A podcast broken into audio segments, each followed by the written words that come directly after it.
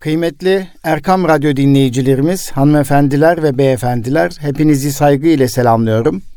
Bütün iyilikler ve güzellikler sizlerin ve bizlerin olsun inşallah. Bendeniz Nuri Özkan, İstanbul Gönüllü Eğitimciler Derneğimiz yani İGEDER'in katkılarıyla hazırlanan Eğitim Dünyası programındayız. Kıymetli Erkam Radyo dinleyicilerimiz, elhamdülillah hafta içerisinde Kurban Bayramımızı kutladık e, aile ziyaretlerimizi yaptık ve çocuklarımızla birlikte güzel vakitler geçirdik ve bunları geride bıraktık. Cenab-ı Hak hepimize sağlık, sıhhat, afiyet ve uzun ömürler içerisinde güzel hizmetler yapmayı nasip etsin diyerek e, sözüme başlamak istiyorum.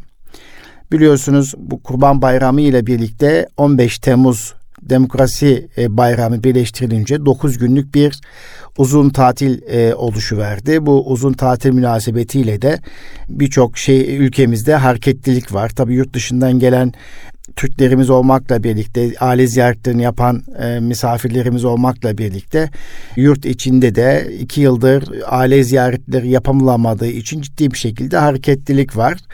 Bu hareketlilik e, neticesinde ister istemez trafik kazaları olsa da Allah'a hamdolsun e, geçtiğimiz yıllara göre az bir trafik e, kazasıyla, az ölümle maddi hasarın az olduğu bir e, hafta geçirmiş olmanın mutluluğunu yaşıyoruz. Allah'a hamdolsun. Cenab-ı Hak hepimize sağlık, sıhhat, afiyet versin, hizmet ömrü nasip etsin inşallah.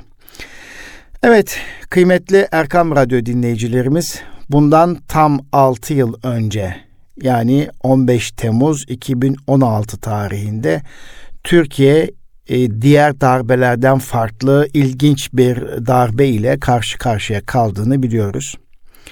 Ülkemizde de 15 Temmuz 2016 sonrası her 15 Temmuz tarihi geldiğinde bu FETÖ kalkışması olan e, darbeyinin yıl dönümünde olayları değerlendiriyoruz. Eğitim Dünyası programına bu konuyu gündeme aldım. E, almak istedim çünkü e, örgütün öğrenci yurtları vardı, dershaneler, özel okullar ve üniversiteler kapsayan devasa bir eğitim ayağı vardı bu örgütün. Öyle olunca e, darbe ve eğitim boyutunda bu olayın e, 6. yılında müzakere etmek istedim kendimce. Bu müzakere yaparken de değişik raporları, e, hazırlanmış raporlarda dikkate alınarak özellikle 15 Temmuz darbesi sonrası Türkiye'de neler daha farklı olabilir, değişebilir, değişti veya özellikle neler değişti siyasette, hukukta, dış politikada, güvenlikte neler değişti dilimin döndüğü kadarıyla anlatmaya çalışacağım. Önce tabii kısaca hatırlamak gerekiyor. Türkiye'nin demokrasi tarihi sivil asker ilişkileri ve siyasetin bürokratik vesayetle mücadelesi her zaman var olmuştur. Bu e, göz ardı edilemez de bir gerçek. 27 Mayıs 1960 darbesiyle başlayan e, bu darbeci gelenek ve 1961 anayasası ile kurumsallaşan vesayet 15 Temmuz 2016 darbe girişimine kadar farklı e, düzeylerde, farklı formlarda hep etkisini sürdürmüştür. Yani benim yaşım 52. Bunlardan 27 Mayıs 1960 darbesini tabii ki hatırlamıyorum. Dünyada değildim. 1980 darbesini yaşadığımda 11 yaşında bir çocuktum. Ama 1980 ile 15 Temmuz 2016 yılına kadar geçin postmodern darbe olarak adlandırılan 28 Şubat süreci dahil olmak üzere irili ufaklı bir takım vesayetlerin her birini e, hatırlıyorum. Ama 15 Temmuz 2016 gibi bir darbeyi herhalde Türk toplumunda hiç kimse hatırlamaz. Yani bunu yaşa darbe hiçbir darbe çünkü buna benzemiyor. Aslında kıymetli Erkam Radyo dinleyicilerimiz AK Parti iktidara geldiği ilk yıllarından itibaren darbeci gelenek ve anayasal vesayetle mücadele ettiğini hepimiz biliyoruz.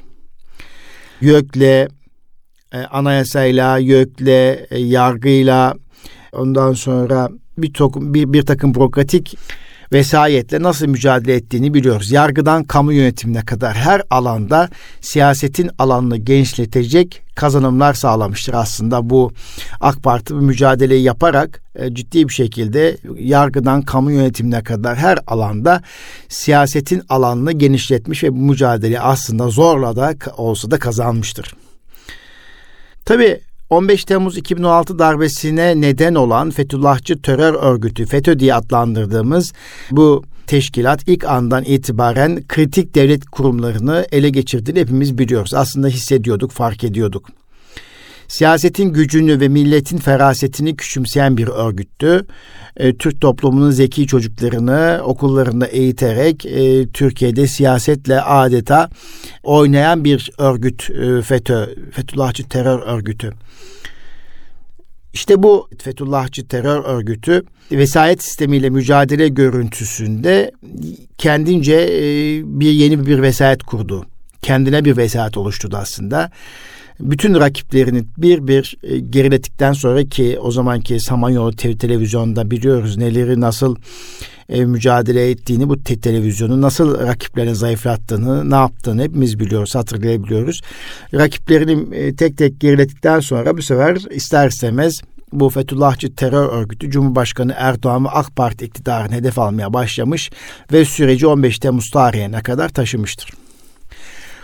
15 Temmuz darbe girişiminin üzerinden tam 6 yıl geçmiş olmasına rağmen halen birçok alanda darbenin etkilerini görüyoruz ve her gün televizyon kanallarında da FETÖ'cü yani FETÖ örgütü mensubu birçok kişinin yakalandığını ve bununla ilgili davaların süreçlerin devam ettiğini görüyoruz. 6 yıl geçmiş olmasına rağmen. Şunu bir kez daha ifade etmek gerekiyor kıymetli Erkam Radyo dinleyicilerimiz.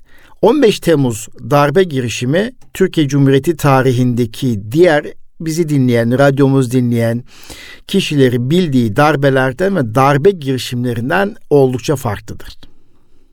Çünkü 15 Temmuz darbesi ne Türk Silahlı Kuvvetleri içerisindeki bir junta ne de ordunun komuta kademesi tarafından hiyerarşik yapı içerisinde gerçekleştirilmiştir. Yani birçok darbeler 27 Mayıs darbesi işte 12 Eylül 1980 darbesi e, Türk Silahlı Kuvvetleri tarafından icra edilmiş bir darbedir. Veya bir 27 Mayıs 1960 darbesi de ordunun komuta kademesinin tarafından e, da, e, icra edilmiş bir darbedir. Ancak 15 Temmuz darbesi darbe girişimi e, böyle bir durum söz konusu değildir. Nitekim FETÖ dini bir cemaat görünümünde doğmuş esas amacını gizleyerek eğitim ve din hizmetlerini araç kullanmış ve 15 Temmuz darbe girişiminin faili FETÖ'nün dışarıdan görünen kamuya açık sivil yönü yanında bir de gizli mahrem yapılanması mevcuttur. Bu yönüyle zaten hem dini bir cemaat görünümde olması, esas amacın gizlemiş olması, eğitim ve din hizmetlerinin başta olmak üzere birçok kamu alanda kurumsallaşmış, kurumlaşmış, e, yerleşmiş olması ve e, kamuya açık yönünün dışında bir de gizli mahrem yapılanması mevcut olması yönüyle e, bu örgüt diğer bütün birçok darbe girişimcilerinden ayrıldığını hepimiz biliyoruz. Çünkü örgütün ciddi anlamda öğrenci yurtları, dershaneler, özel okullar ve üniversiteler kapsayan devasa bir eğitim ayağı vardı. Aslında Eğitim Dünyası programında işte e, bir, bir 40 yıldır e, eğitim hizmeti verdiğini düşündüğümüz aslında içeriden de bazı ehli keşif insanların bu oluşumdan rahatsız olduğu, şüphelendiği hem yurt içinde hem de yurt dışında olağanüstü kurumsallaşan bir müesseseden bahsediyoruz. Ve bu müessese eğitim müessesesi, dini hizmetler verdiğini düşündüğümüz bir e, müesseseden bahsediyoruz. Bu müessesenin gerçekten e, bu teşkilatın, bu örgütün öğrenci yurtları vardı yurt içinde yurt dışında dershaneleri vardı ki ciddi anlamda dershanelere bağlı ciddi bir yayın kuruluşları vardı. Özel okullar ve özel okullara bağlı yayın kuruluşları vardı. Üniversiteleri vardı. Bir de bir takım holdingleri vardı. Böyle devasa bir yapı içerisinde ciddi anlamda büyük bir örgütten bahsediyoruz. Eğitim hayat, ayağı güçlü olan bir örgütten bahsediyoruz. Hepimizin bildiği gibi. Nitekim 15 Temmuz sonrası FETÖ'ye ait olduğu gerçekse kapatılan üniversite sayısı 15'tir. Yani buradaki sadece üniversite e, büyüklüğünden bahsediyoruz. Özel okullardan, dershanelerden, buradaki sayılardan e, siz bilin, siz düşünün. Her ilçede, en küçük kasabada bile bu örgütün bir evi, bir dershanesi, bir yurdu e, kesinlikle vardı. Dolayısıyla FETÖ'nün bu eğitim kurumları toplumdaki meşruiyeti sağladığı gibi aslında insan kaynağını da sağladı. Yani ciddi anlamda e, FETÖ örgütlenebilmek için 40 yıllık süreç içerisinde eğitime ağırlık vermek suretiyle hem toplumdaki meşruiyetini artırdı hem de insan kaynağını en zeki çocukları seçerek ciddi bir insan kaynağı oluşturdu. Kendisine bağlı yüksek, adiyeti yüksek bir insan kaynağı oluşturdu. Tabii FETÖ'nün sadece bu eğitim alanı mı vardı? Eğitim alanı dışında büyük bir medya imparatorluğu vardı. Finans ağı, yardım kuruluşları, sendika, meslek, örgüt gibi farklı alanlarda teşkilatlandığını hepimiz biliyoruz. Bu devasa yapının varlık sebebi mahrem yapıyı beslemek ve gizlemek olduğu yargı kararıyla aslında bugün tespit edildi. Ben Deniz'in de bu grupla ciddi anlamda e, bir öz okulcu olarak mücadelesi olduğunu söylemek isterim. E, bu darbenin olduğu zamanda da e, tabii İGEDER'imizin dernek başkanıydım. İnşallah birazdan bu konularda bahsedeceğim. Ciddi bir vesayet sistemini artık FETÖ kendisi kurumlaştırmıştı. Diğer vesayetçi rakiplerini tek tek e, AK Parti elettikten sonra kendisi AK Parti'nin üzerinde ciddi bir baskı kurmaya başlamıştı. Tabii FETÖ bu eğitim ağıyla birlikte medya ağı, e, finans ağı, yardım kuruluşuyla birlikte neyi arzuluyordu? Devlet iktidarını ele geçirmeyi hedefliyordu. Çünkü bu onun için olmazsa olmazdı ve bu amaçla 40 yılı aşkın bir süre boyunca e, Türk Silahlı Kuvvetleri başta olmak üzere istihbarat, emniyet ve yargı gibi kritik kamu kurumlarına mensuplarını yerleştirdi.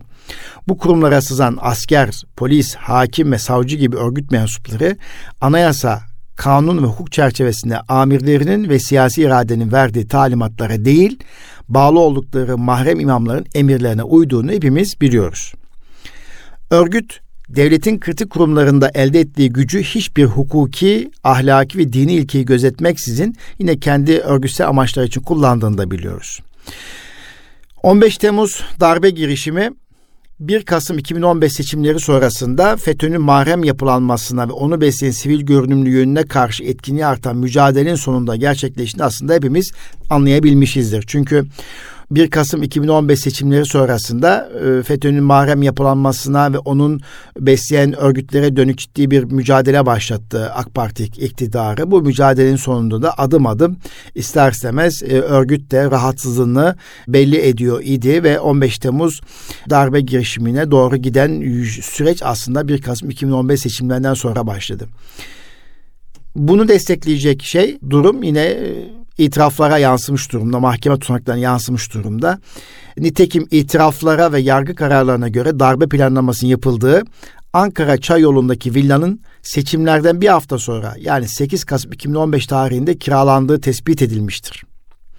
Örgütün bu yapısı açığa çıktıktan sonra gerçekleştirdiği darbe girişiminin 27 Mayıs gibi bir cuntanın yaptığı darbeye benzetilmesi, etkilerinin değerlendirilmesi ve mücadelenin bu çerçevede ele alınması kesinlikle mümkün değildir.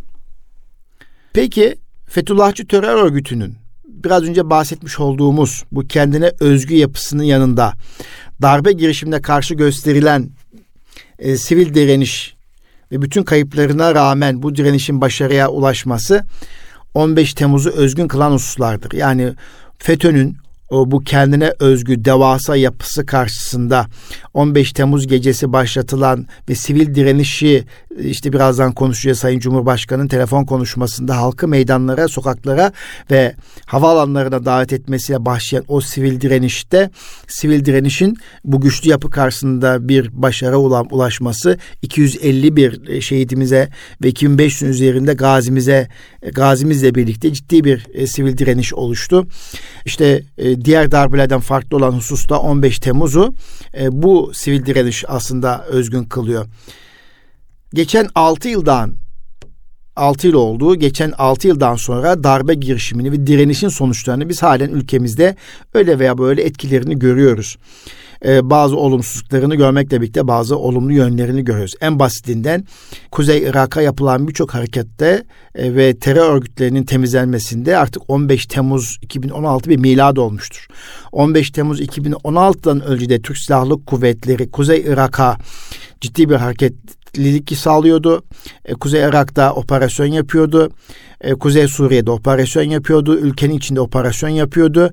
Ancak e, bu kadar güçlü bir başarı elde edemiyor idik. Ancak 15 Temmuz 2016 darbesinden sonra Türkiye Cumhuriyeti Devleti'nin hem Kuzey Irak'taki operasyonu daha anlamlı, daha güçlü ve daha etkili olduğunu görüyoruz. Yani burada aslında bu hain örgütün ne derece Türk Silahlı Kuvvetleri'ni meşgul ettiğini e, ve iktidarı oyaladığını e, bu anlamda söyleyebiliriz. Ve Türk milletini de kandırdığını söyleyebiliriz bu anlamda. Şimdi e, bu 15 Temmuz darbesinden önceki bir takım darbelere şöyle bir daha göz gezdirecek olursak şimdi Demokrat Parti iktidarını deviren ve Başbakan Adnan Menderes'i Allah rahmet eylesin idam sehpasına gönderen 27 Mayıs darbesi 1960 yılında oldu. Devamında 1971 muhtırası. Sonra 12 Eylül 1980 darbesi, 28 Şubat müdahalesi. Bunların hepsi 27 Mayıs darbesinin açtığı e, yoldaki diğer ayak izleri olarak görmek mümkün. Bunlar birbirine benziyor. Bir, bir aynı format, e, benzer özellikleri taşıyor. Ancak Türk siyasi hayatını bir türlü terk etmeyen darbelerin en son versiyonu ve biraz önceki saymış olduğumdan farklı 15 Temmuz darbe girişimi. Çünkü 15 Temmuz darbe girişiminin biraz önce saymış olduğum darbelerden ayırt edici özelliklerine baktığımız zaman bir Türk Silahlı Kuvvetleri'nin dışında olması o bu ayırt edici önemli bir özellik. Bunu bir kez daha ifade etmek istiyorum. Türk Silahlı Kuvvetleri'nin dışında e, gerçekleşen bir darbe. E, gizli bir örgüt tarafından yapılıyor ve bu darbe bir sivil halk tarafından engelleniyor ve bu darbe Cumhurbaşkanlığı Külliyesi'ni ve Türkiye Büyük Millet Meclisi'ni doğrudan hedef alıyor diğer darbeden farklı olarak ve bu darbenin amacı 14 yıllık o zamanki AK Parti iktidarına son vermek e, niyeti yapılmış bir e, kalkışmadır. E, bu kalkışma sivil demokratik direnişle bastırılmıştır ve Türkiye'nin demokrasi tarihi açısından bu anlamda gerçekten eşsiz bir özelliğe sahiptir. Ve bu darbe yani 15 Temmuz 2016 darbesinden sonra Türkiye Cumhuriyeti için yeni bir başlangıç, yeni bir Türkiye'nin e, başlangıcı olmuştur bu bürokratik vesayetin gerilemesine neden olmuştur. Çünkü biliyorsunuz e, Türkiye'de yine 15 Temmuz 2016 darbesinden önce de biraz önce bahsettiğimiz gibi ciddi bir de bürokratik vesayet vardı. Bunların en bariz örneği Cumhurbaşkanı seçimi esnasında işte e, 2007 yılındaki Cumhurbaşkanı seçiminde 367 kriziyle e, başlayan bir vesayeti hepimiz şahit olmuşuzdur. Peki 15 Temmuz e, darbesinin başarısı olmasının e, nedenleri ne olabilir? Tabii halkın güçlü direnişi şüphesiz. Bunu ifade etmek gerekiyor. Sayın Cumhurbaşkanı'nın e, ve o günkü Başbakan Sayın Binali Yıldırım başta olmak üzere Türk halkının sivil demokratik tepkisi ve Cumhurbaşkanı Erdoğan'ın güçlü iradesiyle bu darbe kesinlikle bastırıldığını hepimiz biliyoruz. Ve e, bu darbede hepimiz yaşadık. Ben denizde o günleri şöyle hatırlamaya çalışıyorum. 15 Temmuz 2016 Cuma akşamı saat 22 civarında FETÖ merkezli bir darbe girişimine tanık olduğumuzda özellikle Ankara ve İstanbul'un kritik kurumları ve mekanları bir bir ele geçirildiğinde ve 11 gibi Sayın Binali Yıldırım'ın kısa bir açıklaması daha sonra 12'yi 20 geçe tahmin ediyorsam aklımda yanlış kalmamışsa Sayın Cumhurbaşkanı'nın e, telefonla halkı sokağa davet etmesiyle başlayan bir süreçte ve 24 geçede 12 gece 00.24'te de bütün camilerden e, salalar verilmek suretiyle e, darbe püskürtüldü. Tabii bu darbeye e, ordunun büyük bir kesimi destek vermedi. Bu çok önemli bir şey. Ordunun önemli bir kesimin destek vermediği bir ortamda Emniyet ve Milli İstihbarat Teşkilatı'nın başarılı mücadelesi darbenin engellenmesinde gerçekten kritik bir rol almıştır ve kendisini tankların önüne atan bu gövdelerini kurşuna siper eden 251 şehidin ve 2500'e yakın gazinin direnişi darbe engelleyen asıl faktör olduğunu unutmamak gerekiyor. Buradan e, şehitlerimizi rahmetle anıyoruz Cenab-ı Hak onlardan razı olsun. Gazilerimize minnettarız gerçekten. Şimdi bu sivil demokratik direniş Türkiye'nin demokrasi tarihine bir ilk.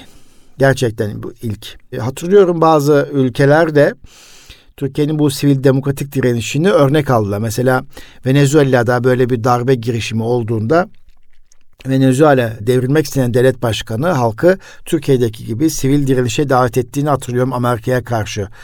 Bu anlamda dünya e, bu darbeyenin bu direnişle ilgili ciddi hikaye yazması gerekir, ciddi bir araştırma yapması gerekir.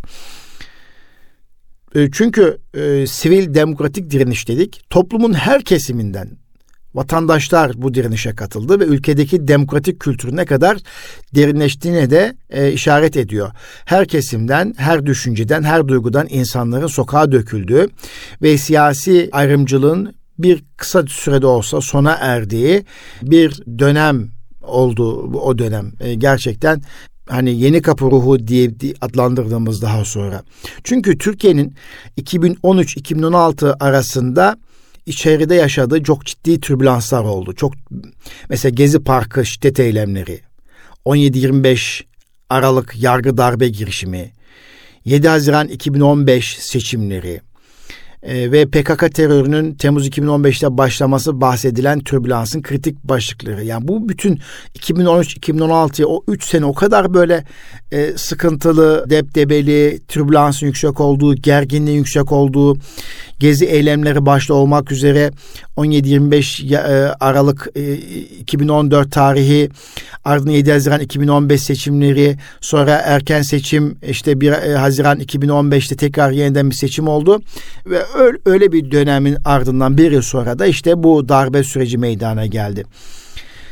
Tabii bu darbenin bir tarafından öğrenilmiş olması da ayrı bir güzellik bence. MİT tarafından öğrenildiğini fark eden darbeciler paniklediler ve gece saat 3'te yapmalarını beklediğimiz darbe birden 21'e alınmak zorunda kaldı ve düşündükleri plan program gerçekleştirilemedi. Genelkurmay Başkanı ile kuvvet komutanlarının darbecilere katılmama sebebiyle emir komuta zinciri kurulamadı. Bütün bunlar e, bu da darbenin başarısız olmasını sağlayan önemli unsurlardan bir tanesidir. Bu arada darbecilerin başarısızlıklarının bir sebebi de Türk siyasetini analiz etme noktasının zaaflığı da söylenebilir. Niye söylenebilir? Çünkü yeni seçim yapılmış. Yani bir yıl önce seçim yapılmış. Bir Kasım 2015 seçim yapılmış. Ondan önce 7 Haziran 2015 tarihinde seçim yapılmış. Ve e, 6 ay sonra erken seçime gidilmiş. Muhalefet te, e, ortaya e, çözüm ortaya koyamamış. Ve Türk toplumunda dirayeti temsil eden bir hükümet, bir iktidar var. İnsanlar o kısa dönemlik seçim döneminde 6 aylık süreç içerisinde bile kaotik ortamı ve sonuçlarını görmüşler ve seçilmiş bir cumhurbaşkanı var. Halkın seçtiği bir cumhurbaşkanı ve onun yanında seçilmiş kurumlar var. Ee, öyle olunca vatandaşlarımız isterseniz aklı selim düşündüğünü düşün, düşünüyorum. Çünkü darbeciler Türkiye halkının seçtiği kişilere kurumlarına, kendi geleceğine ve daha da önemlisi vatanına bu kadar güçlü bir şekilde sahip çıkacağını tahmin edememiş olduğunu düşünüyorum. Nitekim örgüt mensubu olduğu bilinen bazı kişiler bunu çeşitli medya organlarında paylaşmaktan geri durmamıştır. Kuşkusuz darbecileri yanıltan bir süredir muhalefet çevrelen yaygınlaşan Erdoğan karşıtlığı olgusu. Sanki güçlü bir Erdoğan şu anda da benzer şekilde seçime e, gidiyoruz. Seçim atmosferi yakınlaşıyor. Ciddi bir Erdoğan karşıtlığıyla e, seçimi kazanmayı e, düşünüyorlar. Elbette şu anda Türkiye ve dünya zor zamanları yaşıyor. Hayat pahalılığı üst safhada. E, enflasyon oldukça yüksek seyrediyor. İnsanların mutfağı yanıyor. İşte ceplerinde paranın değerinin bir kıymeti kalmamış. Cüzdanındaki para her geçen gün değer kaybediyor. Böyle bir ortamda hükümet halkını desteklemek için elinden geleni yapmaya çalışıyor ama bununla birlikte insanların kaygıları var üst safhada. E, fiyatlar çok oynak. E, bir de buna etik sorunlar da gündeme geldiği için e, enflasyonun üzerine fiyat artışlarının yaşandığı bir ortamda tabii ki güçlü bir Erdoğan karşıtlığı var. Bu aynen 15 Temmuz darbesi öncesi Erdoğan karşıtlığı oluşturulduğu gibi şimdi seçim öncesi böyle bir durum söz konusu. Ama bu da inşallah yine Türk toplumunun ferasetiyle, aklı selim düşüncesiyle seçimde bulunduğumuz zor coğrafya, coğrafyada dünyaya karşı dik duruşumuzu güçlendirecek, gelişimimizi, üretimimizi, istihdamımızı güçlendirecek bir siyasetin ortaya çıkmasını tabii ki arzu ederiz. Tabii FETÖ mensuplarını panikleten bir husus da şu, şöyle hatırlamaya çalışıyorum. O yıllarda Ağustos 2016 Yüksek Askeri Şura'da tasfiye edileceklerini öğrenen FETÖ mensubu subayların harita, harekete geçmekten başka bir çare görmemeleri de darbenin 15 Temmuz 2016 tarihinde yapılmış olmasını sağlayabilir. Çünkü Ağustos 2016'da biliyorsunuz Askeri Şura yaş kararlarını hepimiz biliyoruz. Yüksek Askeri Şura'da tasfiye edileceğini öğrenen bazı subayların da darbeyi öne çekmiş olmaları da yine e, mahkeme tutanaklarına yansıyan önemli hususlardan bir tanesi. Evet özetleyecek olursak şöyle buraya kadar aslında 15 Temmuz 2016 darbesine kadar şöyle zihninden toparlamak istiyorum. 1 Kasım 2015 seçimlerini hatırlıyor, hatırlayalım. Erken seçim oldu. 7 ee, Kasım 2015'ten sonra 1 Kasım 2015 seçimleri bir 4-5 aylık orada bir kısa dönem milletvekilleri seçildi e, ve çoğunluk sağlanamadı. Ancak 1 Kasım 2015 seçimlerinde AK Parti tek başına iktidar olarak kazandı ve bundan sonra da FETÖ'nün üzerine daha etkili bir şekilde gitmeye başladı. Bu bir etken. Yine İzmir'de Cumhuriyet Başsavcılığı tarafından yürütülen FETÖ'nün askeri casusluk kumpası için sahte delil oluşturması kapsamında hazırlanan iddianame Nisan 2016'da e, İzmir 2. Ağır Ceza Mahkemesi'ne gönderildi ve dava açıldı. Darbe girişiminden kısa bir süre önce bu dava kapsamında 6 Türk Silahlı Kuvvetleri personeli ifadeye çağrıldı. Bu da FETÖ'yü hareketlendirdi. İkincisi bu. Üçüncüsü FETÖ'nün Türk Silahlı Kuvvetle yapılanması mensup 600 kişinin tutuklanacağı ilişkin söylentiler bazı örgüt üyesi isimlerinin basına yansımaya başlaması ve oradaki FETÖ örgütlenmesi hakkında ayrıntılı bilgiler içeren kitapların yazılması, örgüt içerisinde 40 yıla yaklaşan bir süreçte oluşturulan Türk Silahlı Kuvvetleri'nin yapılanmasının geleceği konusunda işte biraz önce bahsetmiş olduğum yaş kararları öncesi oluşan tedirginlik 15 Temmuz darbesine giden yollardan bir tanesi. Yine Milli Güvenlik Kurulu'nun 26 Şubat 26 Mayıs 2016 arasında gerçekleştiği toplantılarda paralel devlet yapılanması adıyla milli güvenliği tehdit eden bir terör örgütü olduğu vurgulandı ve etkin bir mücadele mesajı verildi. Bu da çok önemli. Paralel o zaman FETÖ diyemiyorduk. Paralel devlet yapılanması diyorduk. Paralel devlet yapılanması. Yani 26 Şubat 26 Mayıs 2016 tarihleri arasında Milli Güvenlik Kurulu'nda böyle bir tabir vardı. Paralel devlet yapılanması. Artık paralel e, demekten korkuyorduk. Yine e, Ağustos 2016'daki yaş kararlarında Türk Silahlı Kuvvetleri'nin yapılanmasının tasfiyesi yönelik Genelkurmay Başkanlığı'nda bir çalışma yapıldığını öğrenmiş olması. Son bir şey 15 Temmuz 2016'dan önce 6723 sayılı kanun 1 Temmuz 2016 yasalaştı e, ve FETÖ'nün yüksek yargı yapılanmasına zarar verecek olan bir karar kabul edildi. Bu da tabi e, darbenin e, nedenlerinden sayılabilir. Peki bütün bu 10, 15 Temmuz 2016 darbesine giden bu unsurlar karşısında darbe olsaydı ne olacaktı? Ciddi bir kaos olacaktı. iç savaş olacaktı.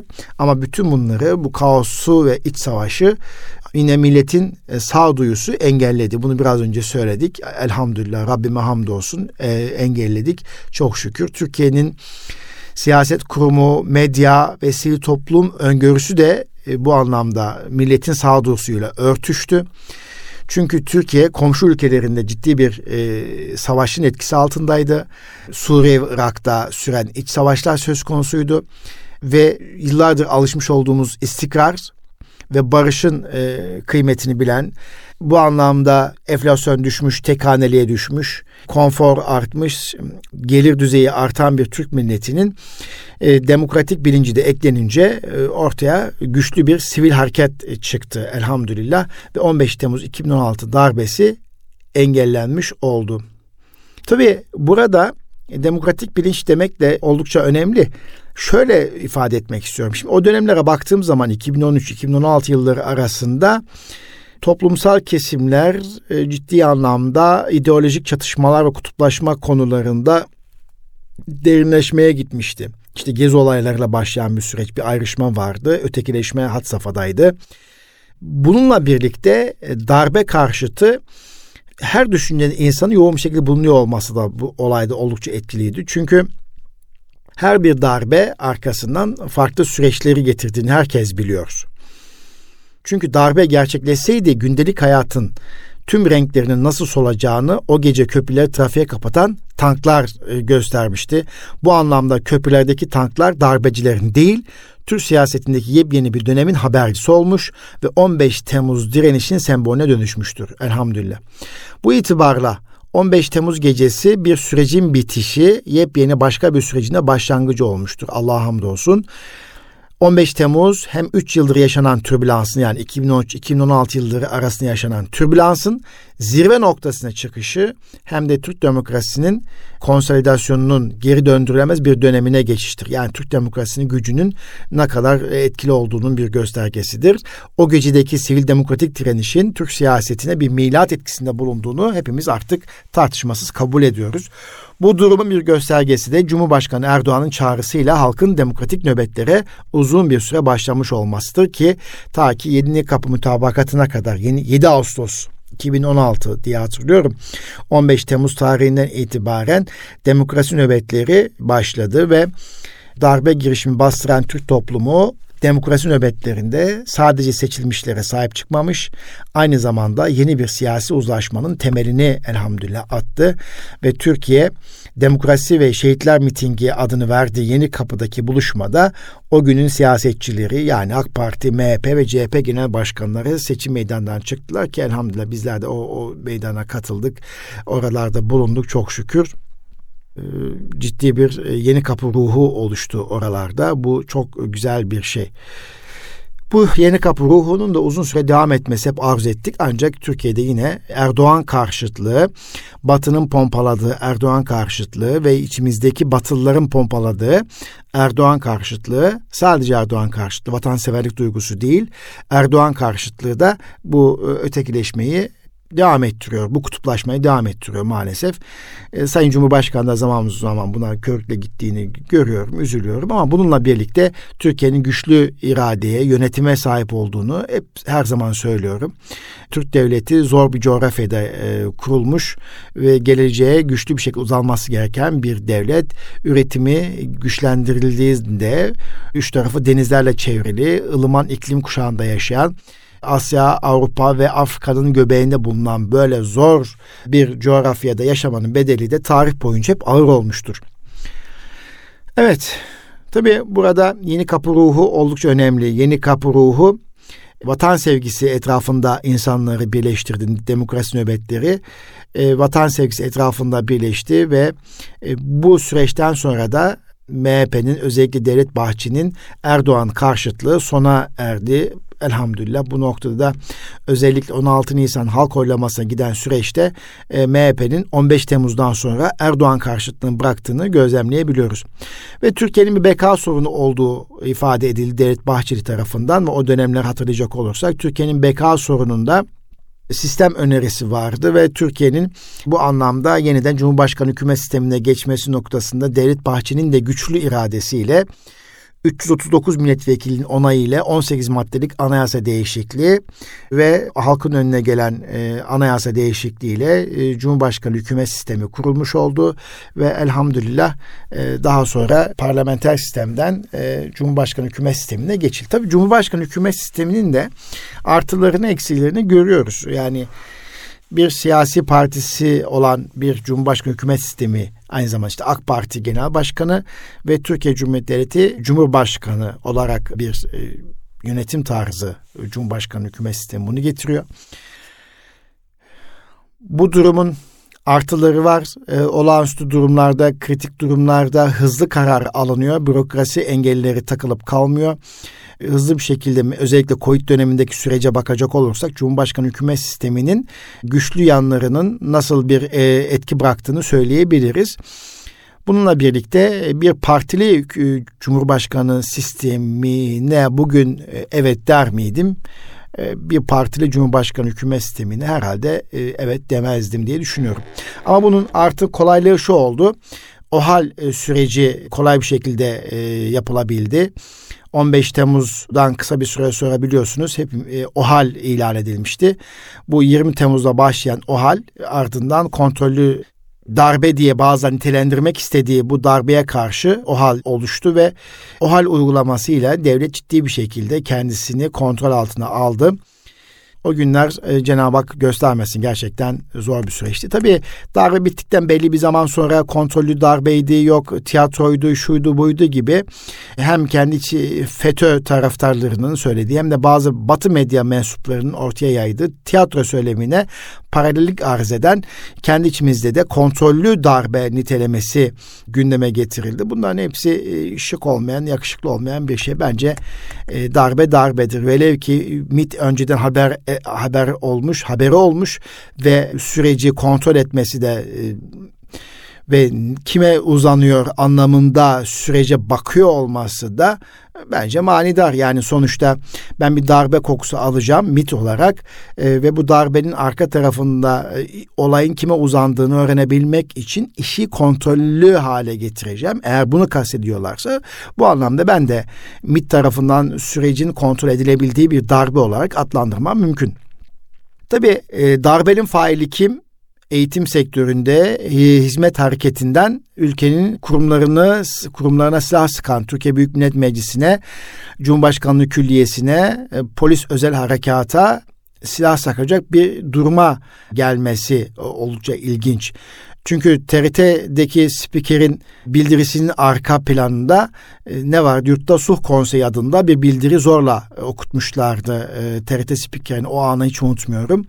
Televizyon ekranlarında gözümün de önünde şu anda böyle canlanıyor. Yurtta Sulh Konseyi adında bir bildiri zorla okutulmuştu ve FETÖ mensubu Cunta'nın Meclis ve Cumhurbaşkanlığı Külliyesi bombalaması, sivil halka ateş açmasından yola çıktığımız zaman da çok değişik bir darbe yani gerçekten halkına silah sıkan bir e, darbe e, çok farklı bir sonuç. Türkiye Büyük Millet Meclisi o günden bugüne Gazi Meclis diye anıldığını hepimiz biliyoruz. Cumhurbaşkanlığı Külliyesi bombalandı. E, İstanbul'da Boğaz Köprüsü'nde birçok vatandaşımız şehit edildi. İşte tanklar köprülere çıktı ve e, bir terör saldırısıydı gerçekten ve Türkiye'yi ve Türk milletini topyekün hedef alan bir terör saldırısıydı. Ve Türkiye e, işte e, elhamdülillah 15 Temmuz 2016 gecesi 251 şehit 2500'ün üzerinde gazi ile ve topyekün meydanlarda demokrasi nöbeti tutarak Türkiye Cumhuriyeti'ne ve bu topraklara sahip çıktı ve bu mücadeleyi kazandı. Sonuçta bugün geldiğimiz an itibariyle de 15 Temmuz 2016 darbesinin 6. yılını yaşıyoruz. Bu süreçte eğitim dünyasında bunu gündeme getirmiş olmamın nedeni tabii 40 yıllık bir e, süreç içerisinde dershanesi, yurtları, özel okulları e, ve birçok yayın kuruluşları olan bir e, eğitim örgütünün diğer finans yapılarıyla ve diğer kurumlardaki örgütsel yapılarıyla birlikte Amerika'nın talimatıyla ansızın nasıl silahı Türk milletine doğrulttuklarının göstergesi olması açısından önemlidir. Bunu burada gündeme getirmemin nedeni tabii eğitim oldukça önemli. Vatansever duygularla çocuklarımızı hayata hazırlamak çok önemli. Bu ve buna benzer e, yapılanmalar aslında her zaman olacaktır, olmaya devam edecektir. Bu süreçte çocuklarımızı okuturken hangi duygularla varoluş gayesi daha doğrusu varoluş gayesi belli e, vatansever duygularla çocuklarımızın yetişmesini sağlayan okulları tercih etmek, yurtları tercih etmek, pansiyonları tercih etmek oldukça önemli. Nasıl bileceğiz diyeceksiniz. Ya o kadar karışık bir ortam ki hala bakın bazen bakıyorum. Bazı yarışmalar, bazı etkinliklerde arka planda kime hizmet ediliyor? Hangi ülkeye zeki çocuklarımızı kaçırıyoruz veya bilerek tespit edilmesini sağlıyoruz? Bu anlamda düşündüğüm zaman da Türkiye'nin çok ciddi mesafe alması gerektiğini düşünüyorum. Evet, kıymetli Erkam Radyo dinleyicilerimiz, bugün Eğitim Dünyası programında 15 Temmuz 2016 darbe girişiminin 6. yılı münasebetiyle dilimin döndüğü kadarıyla şöyle kısaca bir hatırlamaya çalıştım ve darbe üzerinden eğitim kuruluşlarının varoluş gayesini e, vatanseverlik duygusu üzerine ciddi bir şekilde yapılandırmaları gerektiğini, e, ülkemizde bazı eğitim kuruluşlarıyla hala e, eğitim yarışmalarının veya olimpiyat yarışmalarının arka planda kimlerin var olabileceğinin çok iyi araştırılması gerektiğini düşünmekteyim. Bu duygu ve düşüncelerle efendim. Bir sonraki Eğitim Dünyası programında buluşmak dileğiyle kalın sağlıcakla Rabbime emanet olunuz.